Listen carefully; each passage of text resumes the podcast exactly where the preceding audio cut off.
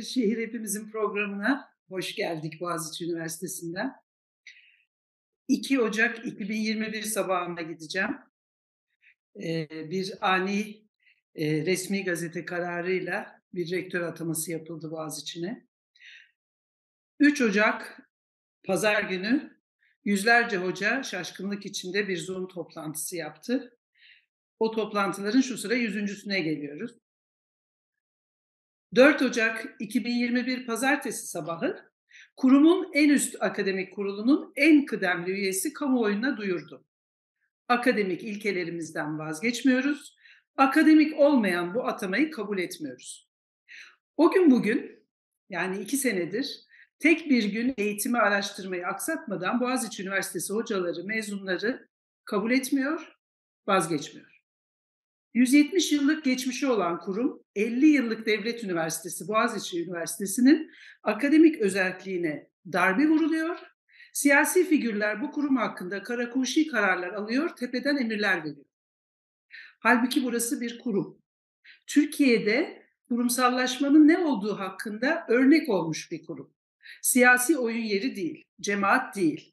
Burası Türkiye'nin en parlak gençlerinin girebildiği, sık sık ifade edildiği gibi ülkenin gözbebeği. Şubat 2021'e geliyoruz. İki yeni fakülte tepeden kuruluyor YÖK tarafından. Atanan rektör gibi atanan dekanı da tanımıyoruz. E, onlar da Boğaziçi'ni tanımıyorlar. İnternette görülen ortak bilgi ikisi de seçilememiş milletvekili adayı veya aday adayı.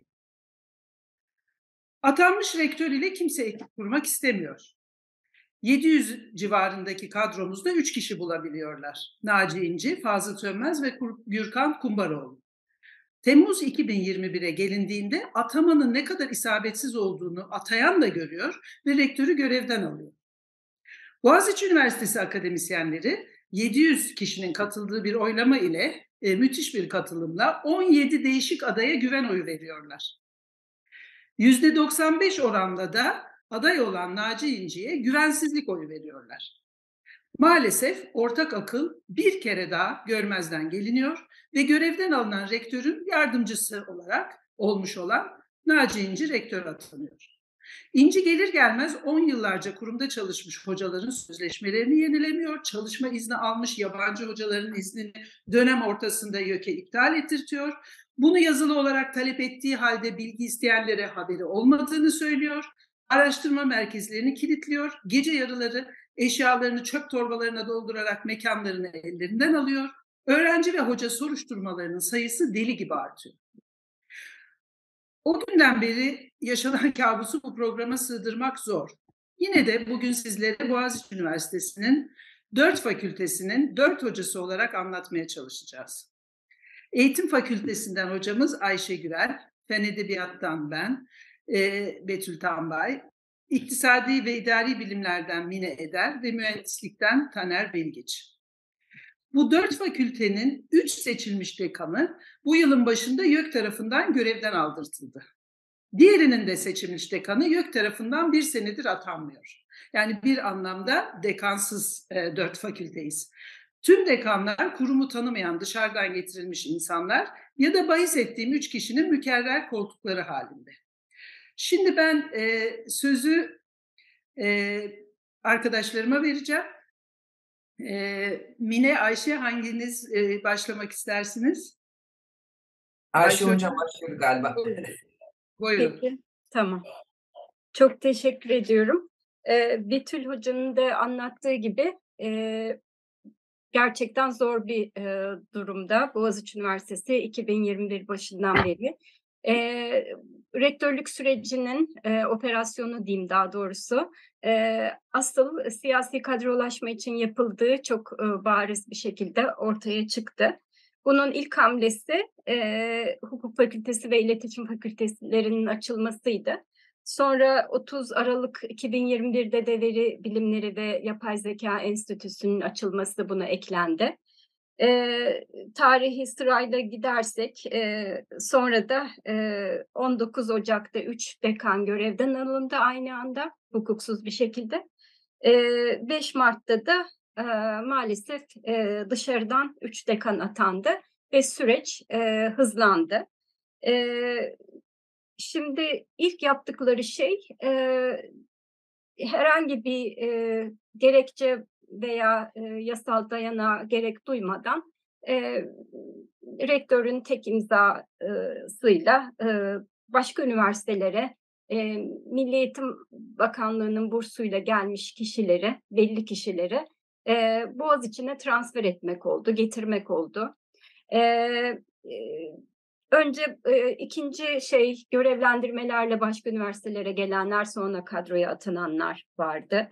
E, sonra e, bu yapılanlara bir kılıf bulma çabası çıktı. E, bu bağlamda 11 Mayıs 2022 tarihli Senato e, bizim için bir kırılma noktası. Çok önemli bir e, dönüm noktası oldu üniversite tarihinde. Burada ee, Ayşe Hocam belki o zaman Senato'nun e, e, ne kadar artık e, seçilmiş kişilerden evet. oylarla aslında üniversiteyi temsil etmek hani o 4 Ocak sabahı ki Senato olmadığını 2020'de Doğru. ve tamamen bir anlamda ele geçirildiğini ifade etmemiz gerekir değil mi? Doğru, o çok önemli. E, zaten e, Senato'da çoğunluk elde edildikten sonra e, e, bu e, operasyon yani yasal kılıf bulma operasyonu o zaman başladı. Sekiz mükerrer oy e, ve dışarıdan e, gelen e, ve dekanlıkları alan veya senatör temsilciliklerini alan kişilerle birlikte yapıldı bu tabii. E, Senato'da 2019'da kabul edilmiş e, öğretim üyeleri atama ve yükseltme kriterleri e, değiştirildi. E, hukuk fakültesi ve e, e, iletişim fakültesi için bu e, kriterler esnetildi. E, e, çok ilginç yani gerçekten imtiyaz e, o, sahibi oldular. Şöyle ki e, daha düşük kriterlerle e, kadrolarına e, eleman alabilmeleri mümkün oldu. Aynı şekilde 2019'da kabul ettiğimiz bizim e, bir istihdam süreçleri usul esasları e, vardı. Onu da değiştirdiler.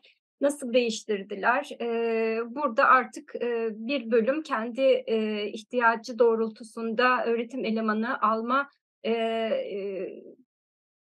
e, şeyini kaybetti. E, dekan ve rektörlük e, rektörlüğe büyük bir e, rol verildi. Yani artık e, Boğaziçi'ne e, başvurmak isteyen e, kişiler e, bölümün haberi, bölümün onayı e, olmaksızın direkt rektörlükle, direkt dekanla, atanan dışarıdan atanan dekanla e, istişare halinde e, bu işi götürebiliyor. E, sonraki ayakta ayakta şu oldu. E, gerçekten e, biz naif bir şekilde bu kadarı olmaz diye beklerken daha da kötü şeyler e, oldu, gerçekleşti. Bölümün haberi onayı olmadan bak, baktık kadrolar açılıyor değişik e, birimli akademik birimler için. Kadrolar kadro ilanlarındaki şartları bölüm belirlememiş. Kadro bölümün öyle bir talebi olmamış. Ya da bölüm kadro ilanı şartlarını göndermiş sonra değiştirilmiş. Bu şekilde yürüyen maalesef süreçte şu anda e, 22'nin üstünde bu sayı tam olmayabilir. E, yaklaşık 20'nin üstü diyeyim. E, dışarıdan bu şekilde bölümlerin haberi olmadan e, kadrolara e, atanmış kişiler var. E, kadro ilanına başvurduktan sonraki süreçte de gerçekten e, herhangi bir liyakat e, kriteri e, gözetilmedi. E, ben de şahit olduğum olduklarım var. E, böyle bir kişinin atanması imkansız dediğiniz noktada ertesi gün o kişinin atandığını gördünüz. E, maalesef e, atanan kişilerin e, normal şartlarda e, üniversitenin e, atama yükseltme krit 2019'daki kriterleri tutturamayan kişiler içinden olduğu çok net görünüyor. Yani bu e, şahsi bir görüş değil, e, kağıt üstünde de öyleler. E, sunularını dinliyorsunuz aynı şekilde e, lisans öğrencilerinin bile karşısına çıkamayacak durumda kişiler e, kadroları atanıyor. Ee, çok e, üzücü bir üniversitenin artık kendi öğretim elemanının seçiminde söz sahibi olamaması e, son noktadır. O üniversiteyi bitirmek için e, yapılabilecek başka bir şey yapmaya gerek yok zaten. E, bu şekilde toparlamış olayım. Yine e, söz gelirse ben... E... Şimdi hocam, belki burada istihdamda da şunu söylemek lazım. Yani aynı dekanların atanması olduğu gibi yani akademik çevre çok büyük bir çevre değil. ülkemizin akademik çevresi ve biz de bütün akademik çevreyle teması olan bir üniversiteyiz. Bu böyle karakuşi dekan önerileri gelince tonlarla arkadaşımız, tonlarla meslektaşımız kabul etmedi. Yani böyle bir görevi bu şekilde gelmeyi kabul etmedi. Ee, onun için maalesef kabul edenlerin e, belli bir ortak e, karakter özelliği oluyor. Bu da e, çok daha üzücü yapıyor durumu. E, istihdam bu şekilde e, başvuranlara da aynı özelliği görüyoruz. Her fakültede anlatılan hikayeler aynı. Hiçbir şeyden haberleri yokmuş gibi. Sanki bizim yıllarca ördüğümüz istihdam kriterleri hepimiz biliyoruz. Yani biz aramızda belki de tek şeyimizdir. Yani ben birini beğeniyorum, öbürü başka birini beğeniyor. Onlar yani bizim aramızdaki ihtilaf konularından biridir. Daha iyisini alma meselesi. Yani bu üniversiteye öğrencinin girmesi ne kadar zorsa Hocanın girmesi de ve hocanın yükselmesi de o kadar zordur. Zaten bu bir tesadüf değil. Bu şekilde ülkenin en iyi üniversitesi olunuyor. Yani buna e, e, çomak sokmak çok büyük bir zarar veriyor bize. Mine hocam e, belki devam edersiniz. E, yok teşekkür ederim. Gerçekten bıraktığınız yerden devam edeyim. E, e, bir insan neden bir kuruma nepotizmle girebildi, gir, girdiğine ilişkin bir e, imaj vermek ister inanın aklım almıyor. Yani normal şartlarda kendi emeğinizle, kendi yaptıklarınızla girmek dururken normal şartlarda girebilecekseniz eğer zaten öyle girmelisiniz. Hani e, ve bunun hiçbir şekilde zul addedilmemesi bir insanın kendisine onu benim hakikaten şu anda anlatırken aklım hayalim e, almıyor. Yani sizin bir, birilerini tanıdığınız diye ya da başka birilerinin bağlantısı üzerinden geliyor olmanız e, gerçekten bunu kabul ediyor olmanız e, kendiniz adına da bir e, aslında e, büyük bir e, e, üzücü bir durum diye düşünüyorum. Ama e, ben başka birazcık daha farklı hasarlardan yani kadrolaşma, siyasi kadrolaşma ve bu şekilde atamaların olması en önemli hasarlarımızdan bir tanesi. Ama ikinci hasarımız da birazcık bahsettiniz siz başta. Kendi üniversitenin kendi yönetişimine ve kendi yönetişim modeline aldığımız hasarlar. Yani biz her zaman aşağıdan yukarı doğru karar veren, ortak akılla karar veren kurumlar üzerinden, komisyonlar üzerinden e, karar verirken bir anda e, son derece merkeziyetçi ben yaptım oldu. İşte senatoyu yukarıda senatoyu ele geçirdik, üniversite yönetim kurulunu ele geçirdik ve şimdi oradaki e, kurumlar üzerinden kararları alacağız diyen ve tamamıyla yetkisi, bir yetkiyi e, sonuna kadar yani gramına kadar yetkiyi kullanma e, mantığıyla hareket eden bir yönetimle karşı karşıya kaldık. Biz biz bir tane dersin, üniversitede bir dersin açılmasının virgülüne kadar çeşitli komisyonlarda e, tartışıp böyle bir karar alırken bir anda hukuk fakültesi programı budur diye pat diye senatoya getirilen programlar normal lisans yönetmeliğinden geçirilmeden, oralardan onaylanmadan kendi kafalarına göre değiştirilen programlarla karşı karşıya kaldığımız için bu bizim kendi içimizdeki yönetim anlayışına da son derece ters ve son derece şeffaf olmayan ve keyfilik içeren bir yönetim tarzıyla karşı karşıya kaldık. Bu biz tabii ki bunu yeniden inşa ederiz ama bu son derece alışık olmadığımız bir şey olduğu için orada da dehşete düştük. Nasıl yani böyle mi karar vereceksiniz? Böyle kararlar mı verilir? Meslektaşlarınıza hiç danışmadan mı? Böyle bir yatay bir danışma e, mekanizması kurmadan mı karar vereceksiniz diye dehşete düşmemizin sebebi bir tanesi bu. Burada çok ciddi bir değişim ve çok değiş, çok ciddi bir anlayış değişiminde olduk. Bir de şunu altını çizmek istiyorum. Kamu kaynaklarının kullanımına ilişkinde ciddi şekilde bir farklılaşma görüyorum. Mesela bizde size çok küçük bir örnek vereyim. Dekanların şoförleri ve arabaları olmazdı. Neden? O çünkü kütüphaneye verilen bir paradır. O fon. Şimdi neden böyle bir kullanıma geçiyorsunuz? Yani dediğim gibi öncelikler e, ciddi şekilde öncelikler değişmiş durumda o böyle bir statü, bir e, işte mühürler, e, bir gösteriş mantığı maalesef e, bu yönetim anlayışı içerisinde de e, yerleşmiş durumda. Bu, burada da yine önceliklerin çok değiştiğini e, görüyoruz. Merkez merkezlerin keza söyledik bu kadar kolay kapıdı. Bunlar yıllarca emekle kurulmuş merkezler. Yerin bir merkezi alıyorsunuz 3 metrekarelik bir odaya yani bir bu, uluslararası fon almış bir merkez bu Bizans araştırmalarını örneğini vereyim. Yani doküman, bu üniversitenin kendi e, hafızası olan bir arşiv dokümantasyon merkezi. Bunları alıyorsunuz bir tanesini yok ettiniz o arşiv dokümantasyon merkezi kütüphane. Ne gibi bir gerekçelendirme hiç bilinmiyor. Ben yaptım oldu. Yani bu şekilde bir e, karar verme mekanizmasına hiç alışık olmadığımız için bence burada çok ciddi bir e, yönetimdeki anlayışın nasıl değiştiğine ilgili çok e, ciddi ipuçları var. İkinci e, konuyu da anlatayım sonra tekrar döneriz. E, kampusun ortamı, akademik özgürlük ortamına alınan hasarlar çok önemli diye düşünüyorum.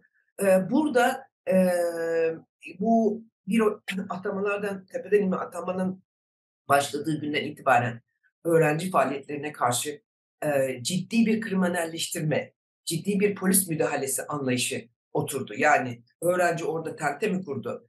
Çevik kuvveti getirin. Orada öğrenci orada bir yürüyüş mü yapıyor? Çevik kuvveti getirin. Benim için en büyük kabus görüntüdür o. Ben me, me, Güney Meydan'a geliyorum ve bir anda böyle beyaz bereli e, çevik kuvvet bütün e, Güney kampüsü işgal etmiş. Şimdi böyle bir güvenlikçi kampüs anlayışı gelişti. Güvenlik kamp kameraları, her dakika sivil polisler, dersimizde sivil polis mi var? her dakika görüntü alan, kamerayla dolaşan sivil polisler, gerekli görüldüğünde pat diye içeri gelen çevik kuvvet. Böyle bir güvenlikli anlayış, güvenlikçi bir anlayışla özgür bir akademik ortamın oluşmasına gerçekten imkan yok. Şimdi bu noktada bu noktada zaten en büyük problemimiz yine kamu kaynaklarına döneceğim. Bu da bir tercih. Bu şekilde para harcamak da biter. Çünkü bunlar bayağı bir maliyet. 24 saat orada bir Toma'nın durması, kapının önünde durması her an hazır halde. Şimdi buralarda bir e, farklı bir e, anlayış yerleşti ve e, çok sesli olan kampusumuz ki bu gerçekten bizim en gurur duyduğumuz şeylerden bir tanesi. Çok seslilik, çok farklılık. Zannediyorlar ki biz gayet homojeniz kendi aramızda. işte bir, arada bir çağırmak istiyorum forumlarımızda nasıl tartışıyoruz, ne kadar farklı farklı fikirler birbirine giriyor. Bazen birbirimize bağırıp çağırıyoruz, sinirleniyoruz falan. Ama sonuçta ortak olarak bu kurumu savunmak gibi bir derdimiz olduğu için bütün farklılıklarımıza rağmen beraber e, hareket edebiliyoruz, itirazımızı ifade edebiliyoruz.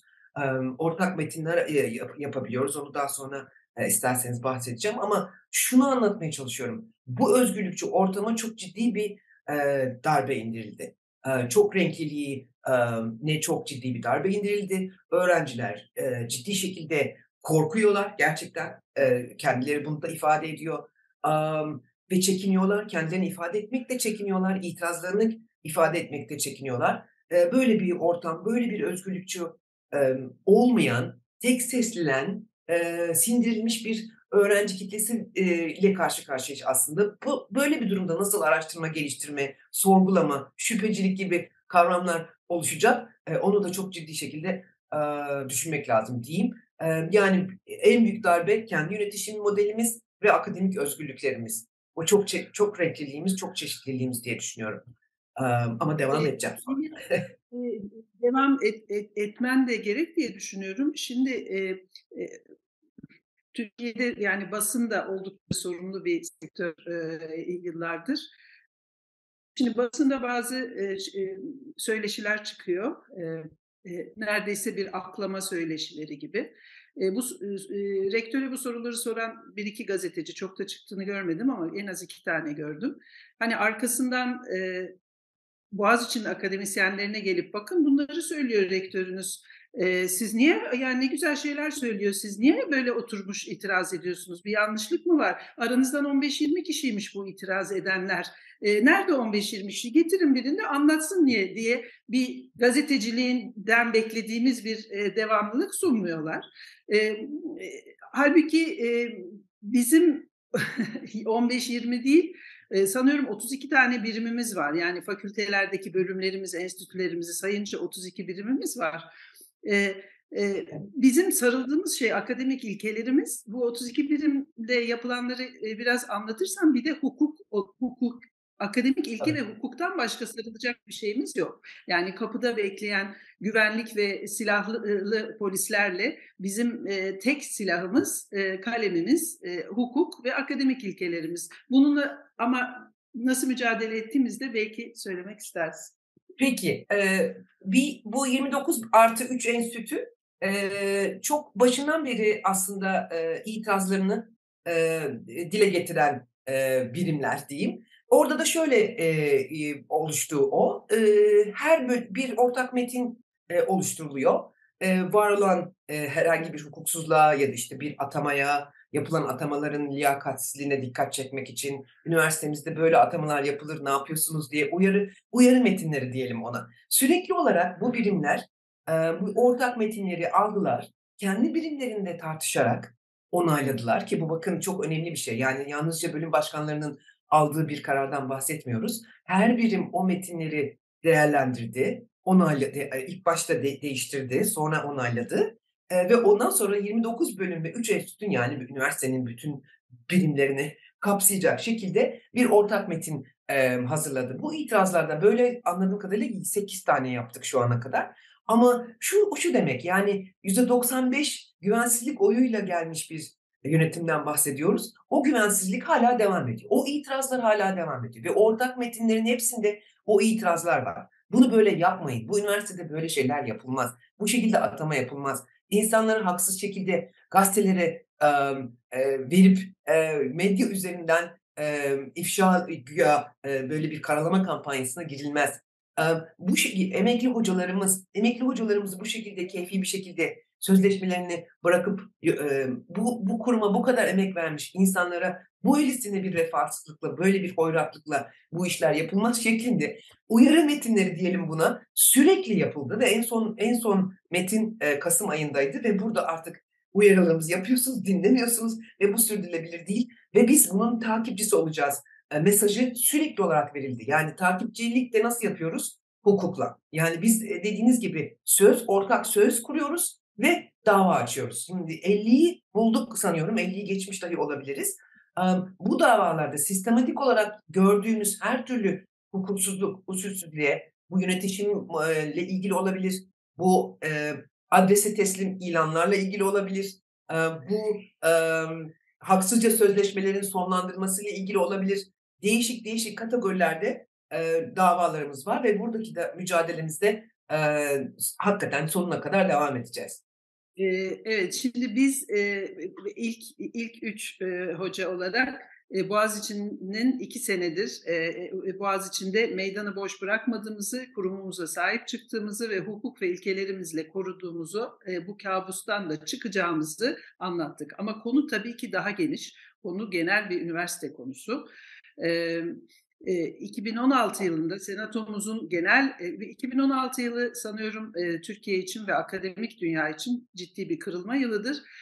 O yıl kurulmuş ve başkanı Taner Bilgiç olmuş olan e, Senato'nun kurduğu bir komisyonun çok önemli bir çalışma başlattı ve Türkiye çapına e, da yani aslında bir genel çözüm e, önerimiz de var. Boğaziçi içine kapalı çalışan bir yer değil. Her zaman bütün Türkiye'nin problemlerini de çözmeye çalışmış bir kurumdur her açıdan. E, onun için bitirirken e, son sözü Taner Hoca'ya vermek istiyorum. Bizi biraz ufkumuzu aydınlatıp e, geleceğe dönük e, nasıl çözeceğimizi bu üniversite sorununu belki bize anlatır. Teşekkürler Betül. Ben de hem bir mühendislik fakültesi öğretim üyesi olarak hem de sözünü ettiğin komisyonun üyesi ve daha sonra başkanı olarak buradayım. Şimdi şöyle, 2 Ocak 2021'de e, Melih Bulu rektör olarak atandıktan sonra hepimiz hakikaten aynı şaşkınlıkla e, ne oldu, nasıl oldu e, dedik.